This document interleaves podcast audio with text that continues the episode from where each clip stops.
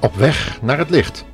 Welkom luisteraar in ons programma Op weg naar het licht van de Stichting Adulam in Curaçao. Vandaag willen we samen nadenken over de woorden van iemand die het vermogen had gekregen om dreigende moeilijkheden te zien aankomen en de opdracht van God had gekregen om zijn volksgenoten hiervoor te waarschuwen. U begrijpt het natuurlijk al. We hebben het over een van de profeten van het Oude Testament in dit geval de jonge en moedige profeet Jeremia.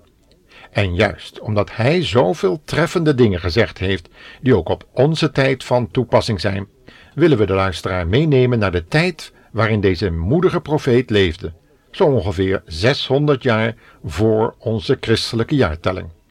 Doe uw Bijbel maar open bij Jeremia 16, vers 20 en verder.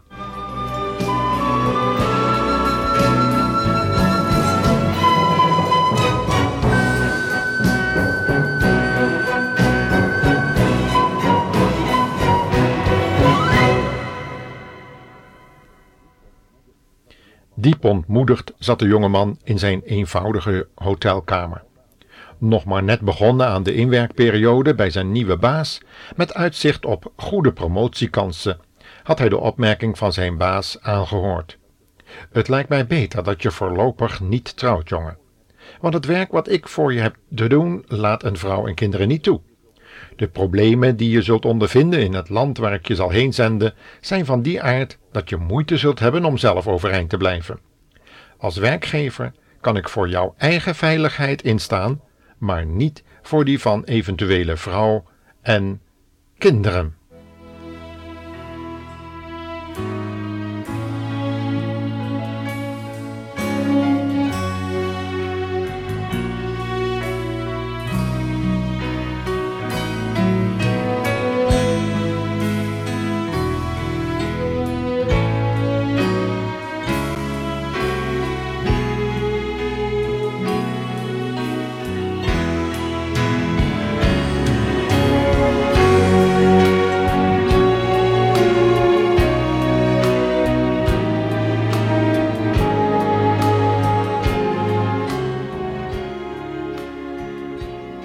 Zonder vrouw en kinderen het leven door.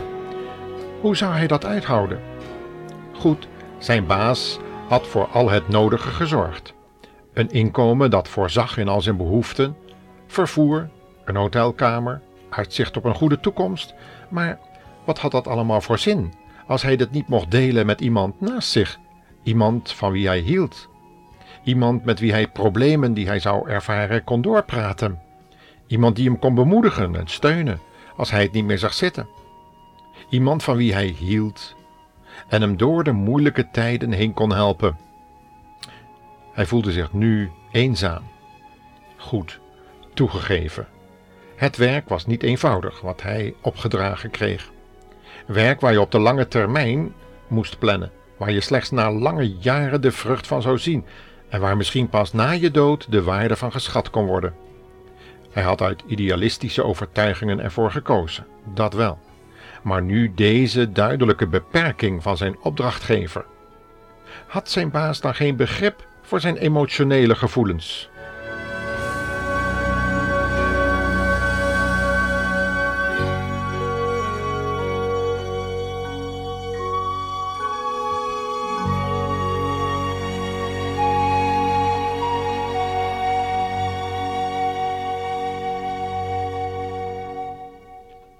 Zo worstelen jonge mensen soms met hun roeping.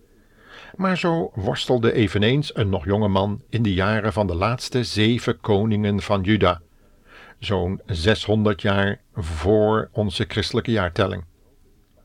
Hij maakte grote invasies en deportaties mee tijdens de invallen van de koning van Babel, dat in het huidige Irak ligt. Maar hij kende ook de opwekkingen van onder koning Josia, een godvruchtige man die opnieuw Gods gedachten onder het volk bekend maakte en Gods gedachten ook gehoorzaamde. Het wetboek van Israël was weer gevonden en hij regelde alles zo dat dat wetboek ook weer gezag kreeg. Het is de moeite waard om deze periode te overzien en om te zien hoe God deze jonge man ondersteunt en bemoedigt om te volharden. Juist in een tijd waarin zoveel jonge mensen zoeken naar een toekomstperspectief, naar bevrediging van hun geestelijke en lichamelijke behoeften, is het nodig om een soort evenknie te vinden. Iemand die ons kan begrijpen, in wie de, ja, die in dezelfde omstandigheden verkeert of verkeerd heeft en er toch uitgekomen is. Laten we dus deze jonge profeet, want dat was hij, eens op de voet volgen. Hij zelf laat ons horen wat God tegen hem gezegd had. Het staat allemaal beschreven in Jeremia 9, vers 1 tot 18. Laten we maar eens enkele gedeelten van zijn boodschap lezen. Op een ander tijdstip sprak de Heere opnieuw met mij en zei: U mag hier niet trouwen en kinderen krijgen. Want zowel de kinderen die in deze stad geboren zijn als hun ouders zullen aan ongeneeslijke ziekten sterven. Niemand zal om hen treuren of hen begraven. Hun lijken zullen op de grond liggen te rotten om de aarde weer vruchtbaar te maken. Ze zullen sterven door oorlog en hongersnood. En hun lichamen zullen worden verscheurd door gieren en wilde dieren.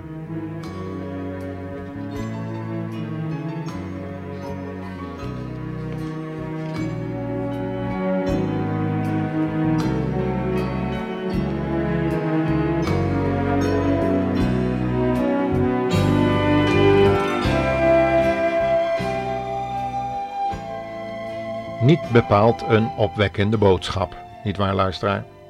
Toch beluistert u meer van dit soort boodschappen dan u misschien wilt toegeven. Want het nieuws op uw tv en radio geven vaak niet veel meer andere informatie. Er zijn jonge mensen die alleen daarom al geen tv en krant meer in huis willen hebben, omdat ze ziek worden van al die schokkende wereldgebeurtenissen en nauwelijks meer aan trouwen en kinderen krijgen durven te denken. Is het verwonderlijk dat de jonge profeet dan ook ziek wordt van die boodschap die hij zijn tijdgenoten moest brengen? Dat hij soms wenste in een hutje ergens in de Kunuku te mogen zitten, zoals hij in Jeremia 9 vers 2 met de volgende woorden verzucht. Och, kon ik maar weggaan, hen vergeten en in een hut in de woestijn gaan wonen. Want het zijn allemaal echtbrekers en verraders. Zij buigen hun tongen als bogen om hun leugens als pijlen weg te schieten. Zij besturen het land onrechtvaardig en gaan van kwaad tot erger. Zij geven niets om mij, zegt de Heere. Ja, dit soort boodschappen moest hij doorgeven, maar ook zijn gevoelens heeft hij op papier gezet, zoals we zojuist gehoord hebben. Weggaan, vergeten, vergeten wat God je gezegd heeft. Is dat niet iets wat veel jonge mensen die hun leven aan de Heer Jezus hebben toevertrouwd, maar dan teleurgesteld worden door de levens van andere, oudere christenen. Zijn dat niet de gevoelens die ze herkennen in de jonge profeet Jeremia? Ja, het is bijna wel zeker dat God daarom ook dit soort emoties heeft laten optekenen in zijn woord. En dan komt het erop aan. Willen wij ons hele hart, inclusief onze emoties, aan de Heere toevertrouwen om het door Hem te laten oprichten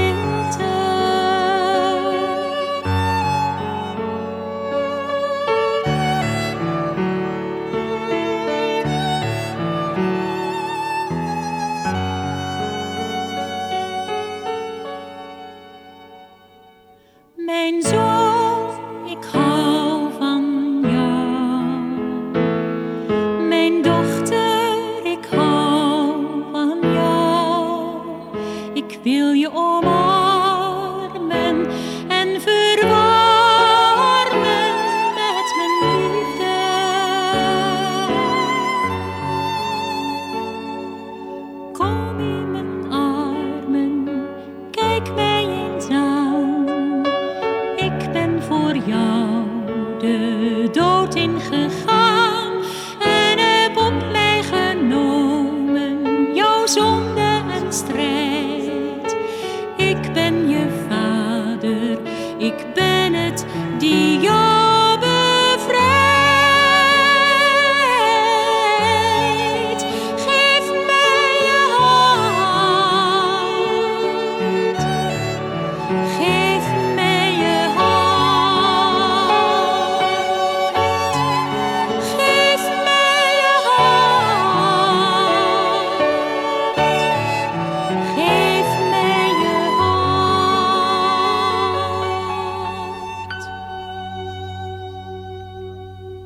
Ja, dat was Franny Fink en Peter van Essen op de viool, piano. Dat was Vrouwen voor Vrouwen en Vrouwen voor Mannen van een uitgave, de stichting die daar zingt om mensen te bemoedigen en te vertroosten. Zoals deze Jeremia bijvoorbeeld en de persoon waar we mee begonnen. Maar is het niet zo, luisteraar? Wanneer hooggeplaatste mensen uit de regeringskringen in de gevangenis belanden vanwege corrupte praktijken, wat kunnen we dan nog van onze jongeren verwachten?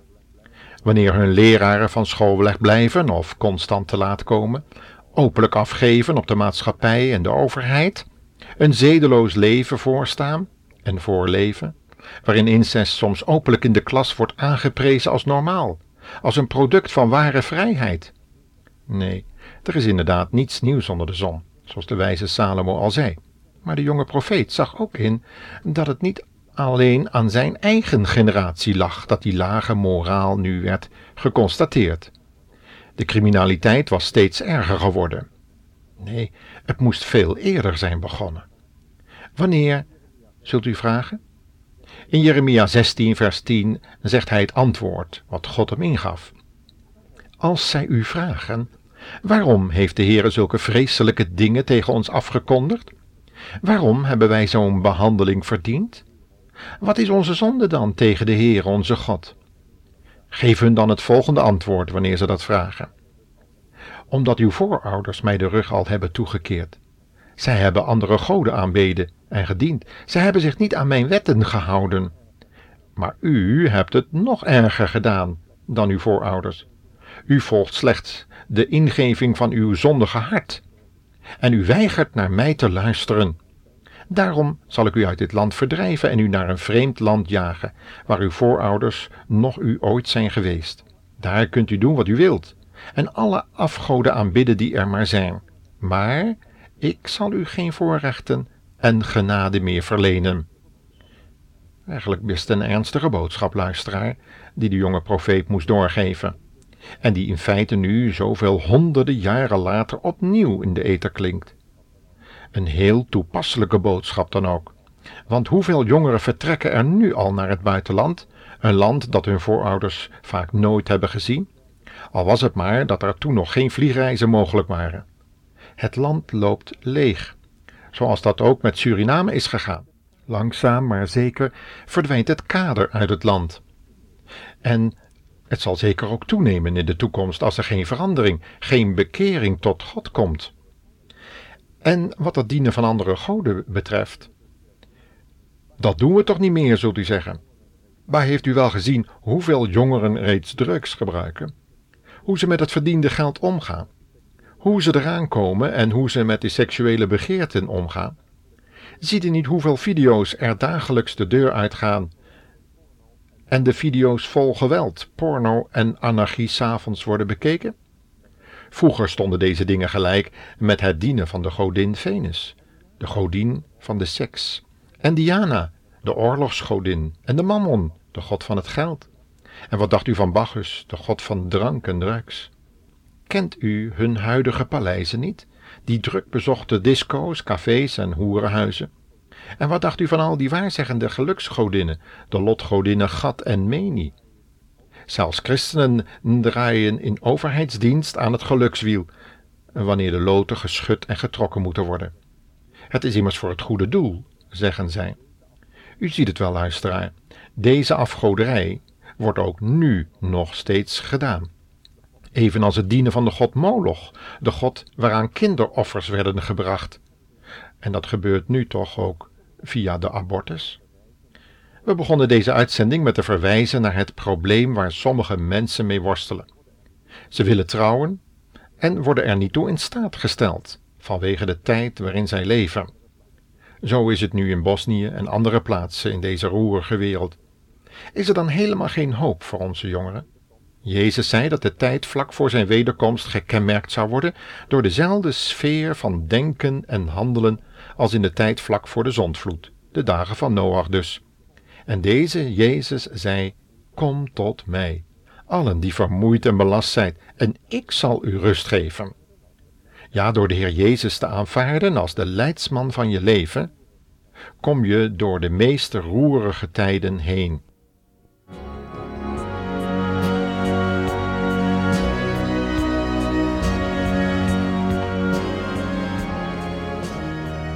Alleen deze Jezus is dus de beloofde Messias, de Christus Gods, de heiland God van de wereld.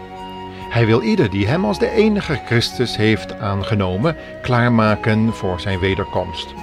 Door zijn levende en krachtige woord wil hij onze ziel reinigen van de kwade geweten, zodat wij onbesmet en onberispelijk voor hem gesteld kunnen worden in vrede en in kunnen gaan in het vaderhuis van God met de vele woningen.